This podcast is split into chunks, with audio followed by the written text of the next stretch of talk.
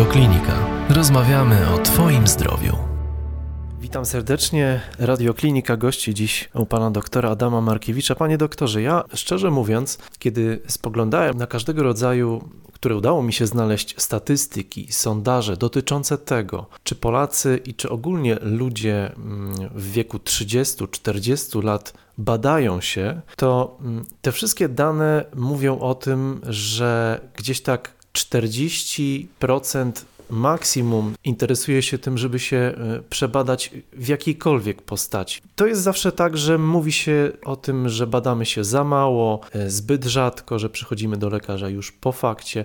Czy z Pana praktyki wynika, że ludzie przychodzą badać się profilaktycznie, kończąc pewien etap swojego życia, wystarczająco często? Czy jest taka świadomość w nas, że warto się badać, czy wręcz przeciwnie? Ja myślę tak, że do badań profilaktycznych Polacy podchodzą bardzo nieprofesjonalnie, bowiem istnieje ogromna grupa e, osób, powiedziałbym, że około 20-30% populacji, która nieustannie robi jakieś badania, ale nawet jeżeli ona je robi, to zwykle jest ukierunkowane na zrobienie jednego czy dwóch badań, bo jej się wydaje, że to badanie z jakichś względów jest szczególnie ważne. Znam osoby, które potrafią powiedzmy co 2-3 miesiące oznaczać sobie pełny lipidogram i cieszyć się, że raz jest cholesterol trochę wyższy, raz trochę niższy, nie mając świadomości, że tak naprawdę te wahania, które one obserwują, są tylko wynikiem błędu laboratoryjnego czy naturalnych zmiennych biologicznych. Ale oczywiście ma pan rację, pan redaktor, że ogromna ilość ludzi w ogóle nie robi badań profilaktycznych. Ja bym jeszcze może sprostował nawet pewien, nazwijmy to umownie, e, błąd logiczny. W starszym wieku często to już trudno mówić o badaniach profilaktycznych, bo zwykle osoba w starszym wieku ma cały szereg schorzeń i właściwie badania jak gdyby dodatkowych schorzeń wychodzą jak gdyby przy okazji badania czy obserwowania schorzeń, z którymi oni już od lat e, się e, borykają. E, ja bym powiedział tak, że sprawa, którą pan redaktor poruszył, została jak gdyby zaobserwowana już 40 czy 50 lat temu, kiedy Amerykanie w ogromnych badaniach populacyjnych stwierdzili z przerażeniem, że tak prosta i częsta choroba, jaką jest nadciśnienie, nie jest wykryta, a tu nawet właściwie nie trzeba pójść do lekarza, czy nie trzeba żadnych środków finansowych, żeby zmierzyć sobie ciśnienie.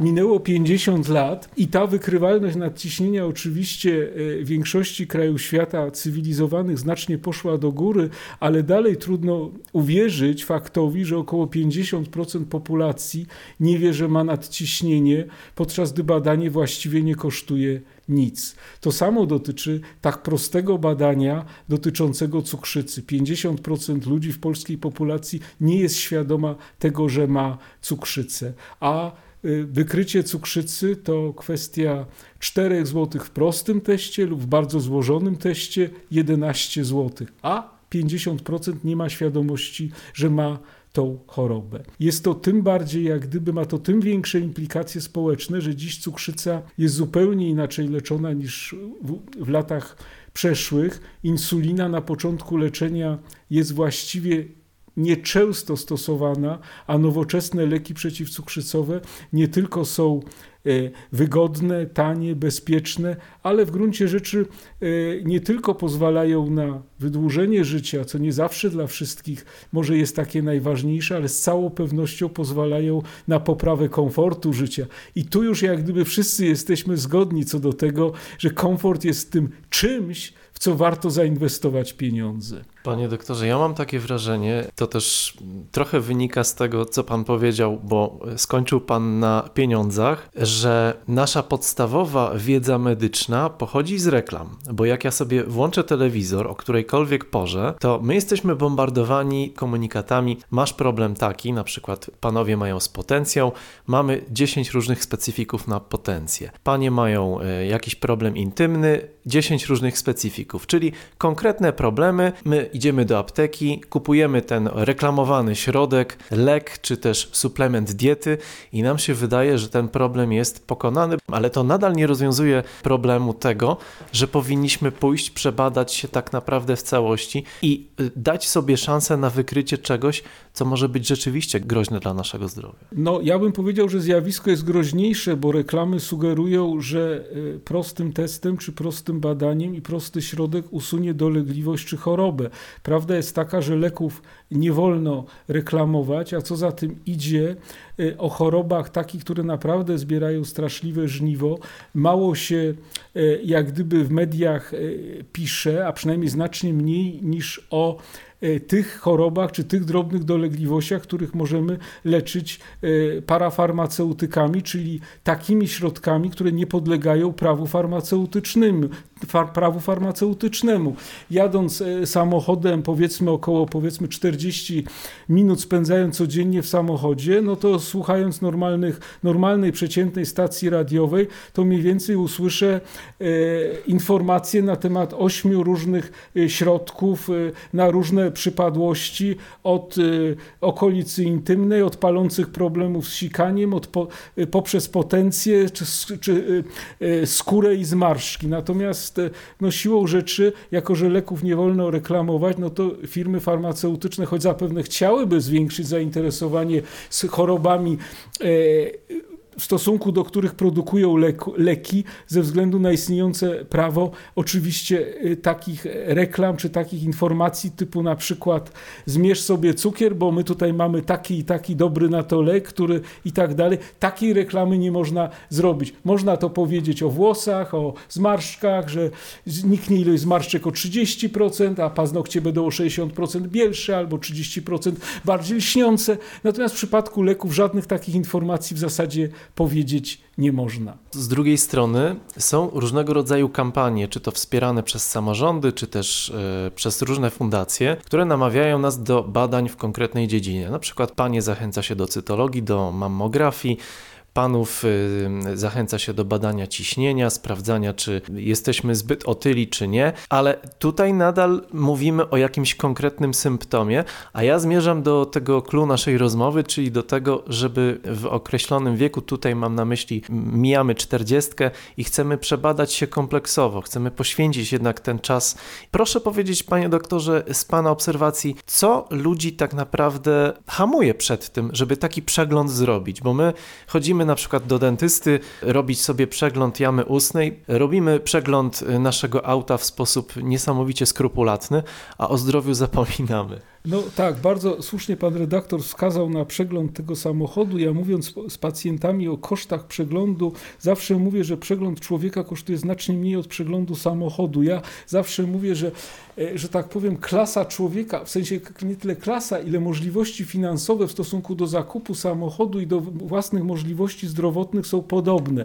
To znaczy, jeżeli przegląd samochodu kosztuje danego człowieka 100 zł, to jego przegląd wystarczy mu za 300. Jeżeli jego przegląd kosztuje kosztuje 500, to za 150 będzie dobry przegląd człowieka. A wracając, co, co hamuje y, nas, Polaków, przed robieniem badań profilaktycznych, ja bym powiedział, że fatalny system organizacyjny, a mianowicie właściwie z punktu widzenia jak gdyby logistyki, w zasadzie takich badań profilaktycznych nie bardzo jest jak zrobić, bo żeby takie badanie zrobić, trzeba iść do lekarza i uzyskać informacje, jakie to powinny być badania. I tutaj dochodzimy do sytuacji patowej. Jeżeli pójdziemy do swojego lekarza z podstawowej opieki, jakie badania należy zrobić, on niestety z reguły odpowie żadne, bo jeżeli odpowie, że jakieś trzeba zrobić, to za tym idzie implikacja, że uważa, że je trzeba zrobić. Jeżeli uważa, że je trzeba zrobić, to musi je sfinansować. A tych koszt badań profilaktycznych to jest o koszt około 150 zł, powiedzmy, co jest równoznaczne z rocznym przydziałem pieniędzy na jednego człowieka w POZ. Więc na pewno lekarz POZ-u, jak gdyby ze względów finansowych powiedziałbym, że jest wręcz zainteresowany, żeby o tych badaniach profilaktycznych nie mówić. Z kolei pójście do, kolej, do ko, ko, kolejnych specjalistów typu kardiolog, diabetolog, urolog, żeby każdy z nich przepisał badania profilaktyczne w swojej dziedzinie, spowoduje, że jest to koszt ogromny, bo sama konsultacja w celu rozpisania badań kosztuje w tej chwili w prywatnym gabinecie około 100 zł. Co za tym idzie, samo rozpisanie badań pochłonęłoby większy koszt niż wykonanie, niż opłata tych wszystkich badań, więc nie bardzo jest jak to zrobić. Najlepiej sytuacja jest rozwiązana w wielkich korporacjach, którzy, które wykupują abonamenty dla swoich pracowników i tam jest roczny pakiet, no taki, taki przegląd okresowy, który na swój sposób y, bardzo przypomina no, przegląd samochodu. Są tam wylistowane konkretne punkty, na które oczywiście można, czy wręcz należy y, nałożyć mm, sytuację danego osoby, dane, danego chorego, albo to rozszerzyć, albo to zawęzić. No w tej jak gdyby e, patowej sytu e, sytuacji, no wydaje się rozsądne, żeby się pojawił gdzieś no, w środkach masowego przekazu, w mediach, no taka prosta, prosta tabelka, która mówi, co się opłaca zrobić, w jakim wieku, dla jakiej płci. No i oczywiście ta tabelka powinna być jak gdyby stratyfikowana do możliwości finansowych e, pacjenta. Generalnie rzecz biorąc, ludzie mają złe doświadczenia z robieniem badań na własny koszt i wcale im się nie dziwię, bo jak pójdzie do tych trzech specjalistów, czy czterech, to na wyjściu jest 400 zł jak gdyby do tyłu. A okazuje się, że przyzwoity panel badań laboratoryjnych i, i, badań obrazowych, tutaj mam na myśli również USG, to tak gdyby robić co roku, bo przecież nie, nie wszystko co rok musimy powtarzać, gdyby tak co roku wydać, mówię dla osoby e, młodej, czyli między 40 a 50 rokiem życia, gdyby wydać kwotę około 200 zł co rok, co rok, to naprawdę byłby to przyzwoity panel badań. Ponadto trzeba mieć świadomość, że niektóre badania można zrobić na koszt Narodowego Funduszu Zdrowia, choćby coroczny przegląd urologiczny. Oczywiście tutaj jest przerażenie, no dobrze, ale trzeba czekać 6 miesięcy. Ja na to odpowiem, no co z tego, że 6 miesięcy, jak mamy badanie robić co roku? Z punktu widzenia badania profilaktycznego czas oczekiwania 6 miesięcy niczym nie utrudnia y, wykonania tego. Trzeba po prostu w styczniu się zapisać i w czerwcu pójść y, na to badanie. W czerwcu 2015 zrobić to badanie, a w grudniu zapisać się na czerwiec 2016. Czas oczekiwania pół roku w przypadku badań profilaktycznych nie jest czasem długim. To jest bez znaczenia, bo te badania zwykle potrzebujemy zrobić co rok, co dwa lata. Więc tutaj nie ma, nie ma, nie ma, nie jest to ograniczenie. Ale tu, panie doktorze, y, od razu się jeszcze wtrącę i wrócę do tego, o czym pan mówił. Mianowicie jesteśmy w pracy. Każdy pracodawca jest zobowiązany swojego pracownika na okresowe badania wysłać. I teraz ja wiem, od kolegi mówi w ten sposób, opowiada mi: Ja nie mam czasu na badania. Znalazłem taki, taką przychodnię, gdzie zrobili mi po prostu cukier, wpisali mi coś tam na szybko. Całość badania trwała w godzinę, faceta, że tak powiem, w ogóle nie badając, wpisali mu zdolność do pracy, bo na tym mu zależało. I taka manufaktura jest w stanie przesiać kilkadziesiąt osób dziennie. I ja mam pewność wręcz, że w ten sposób postępując, to ci lekarze, którzy tam pracują, oni mogą naprawdę komuś zrobić krzywdę, bo puszczą na przykład człowieka śmiertelnie chorego, wpiszą mu zdolny do pracy. Ja bym powiedział tak, że winę za, za ten fakt ponosi tak naprawdę wyłącznie istniejący system prawny. No nie bądźmy, jak gdyby nie zakładajmy, że pracodawca czy lekarz będzie robił badania profilaktyczne szersze niż wynika to z zapisu ustawy. Zapis ustawy w tej chwili o badaniach profilaktycznych, ja nie jestem specjalistą z zakresu medycyny pracy, tym się specjalnie nigdy nie interesowałem, ale w przypadku pracowników no takich szeregowych, biurowych, no to to jest w zasadzie tak naprawdę chyba mocz badanie ogólne, OB, morfologia i pomiar ciśnienia. W związku z czym tutaj pan redaktor mówiąc o godzinie, to miał na myśli chyba jakąś medycynę lotniczą, bo przeciętny pacjent, tak zwany pracownik biurowy w medycynie pracy zostanie załatwiony, przypuszczam, poniżej 10, 10 minut. Więc trzeba powiedzieć jasno, że badania e, w miejscu pracy, no one właściwie wykluczają, one po pierwsze nie służą profilaktyce niczemu, prawda? One nie są nastawione na profilaktykę chorób nowotworowych czy jakichś one w zasadzie tylko stwierdzają, czy w miejscu pracy pracownik nie jest tak chory, żeby nie zrobił sobie, sobie lub komuś jakiejś krzywdy przychodząc do pracy. Więc de facto są fikcją. Znaczy, one chyba nie są fikcją tylko w przypadku badań okulistycznych, bo być może te w przypadku pracowników pracujących przy komputerze są dość rzetelnie wykonywane. Ale celem badań profilaktycznych wynikających z litery prawa nie jest ani profilaktyka miażdżycy, ani profilaktyka chorób nowotworowych, ani oni nie badają poziomu cholesterolu i tak dalej, i tak. Więc tutaj te, trzeba sobie jasno powiedzieć, że te badania robione przez zakładową, wynikające z kodeksu pracy i badania okresowe e, w pracy, w przypadku większości zawodów, no nie mówię prawda o takich zawodach, nazwijmy to związanych z pewną odpowiedzialnością, kierowcach, e, pracownik jakiś operatora sprzętu ciężkiego, zakładów spożywczych itd., tak itd. Tak Ale w stosunku do większości, większości w tej chwili ludzi, gdzie, gdzie ta praca taka czy inna jest to pracą przy komputerze, to poza e, rzetelnym badaniem dna oka, e, pozostałe badania są fikcją albo ich w ogóle, w ogóle nie ma, więc jak gdyby nie miejmy iluzji, że to, że lekarz nas e, e, dopuścił do do pracy wyklucza poważną poważną chorobę. To jest trochę tak, jak znowu tutaj już jakby tak wracamy do tej motoryzacji, to tak jak mamy podbity, e, podbity dowód rejestracyjny w, w okresowym przeglądzie, to nie wyklucza tego, że na przykład w ogóle oleju nie mamy w samochodzie, bo to nie należy do sprawności samochodu. No przegląd okresowy, w sensie ten coroczny, czy na początku co trzy lata, to jest wymagany, on tylko sprawdza, czy samochód jest bezpieczny dla innych, natomiast zupełnie nie interesuje kontrolującego, czy ten samochód po przejechaniu 200 metrów nie ulegnie całkowitemu zniszczeniu, bo nie było w nim oleju. Więc uważam, że to jest na swój sposób dobry przykład tych dwóch, dwóch sytuacji. Ponieważ mówił Pan o tym, że tak naprawdę to tylko regularne badania co rok, co dwa lata mogą nam dać jakąkolwiek y, podstawę do tego, żebyśmy się czuli bezpieczni, ale weźmy pod uwagę mm, człowieka, który no, zaniedbał to. Mija 40 rok życia, kobieta, mężczyzna. Na pewno wskaże Pan konkretne badania, które powinien, a nawet musi zrobić, jeśli tego wcześniej nie robił, co to powinno być przede wszystkim? Ja bym powiedział tak, no te stare historyczne trzy badania, bardzo proste, takie, które należą do tego pakietu, jeżeli się uważnie przyjrzeć, to OB, morfologia mocz, wbrew pozorom to są badania, choć urągają XXI wieku, ale sporo różnych chorób w tych badaniach może się dość wcześnie mm, jak gdyby być ujawnić, w związku z czym z całą pewnością należy te badania wykonać. Następnie mówiąc o kolejnych badaniach, które warto wykonać, ja je podzieliłem na, w zasadzie na na trzy grupy: prewencja i chorób cywilizacyjnych, prewencja onkologiczna i trzecia grupa wszystko inne. Jeżeli chodzi o choroby cywilizacyjne, to jak gdyby połowa sukcesu to jest regularnie 2-3 razy do roku zmierzyć sobie przy okazji ciśnienie i to już będzie bardzo dużo. Ponadto proponowałbym oznaczyć lipidogram, ale tak jak mówiłem, lipidogram jest sens oznaczać nie częściej niż co roku, bo on się i tak nie zmieni. Co więcej, jeżeli ten lipidogram wyjdzie ewidentnie nieprawidłowy, to jednak zacząć zażywać leki i nie mieć iluzji, że on się poprawi pod wpływem diety lub zmiany stylu życia.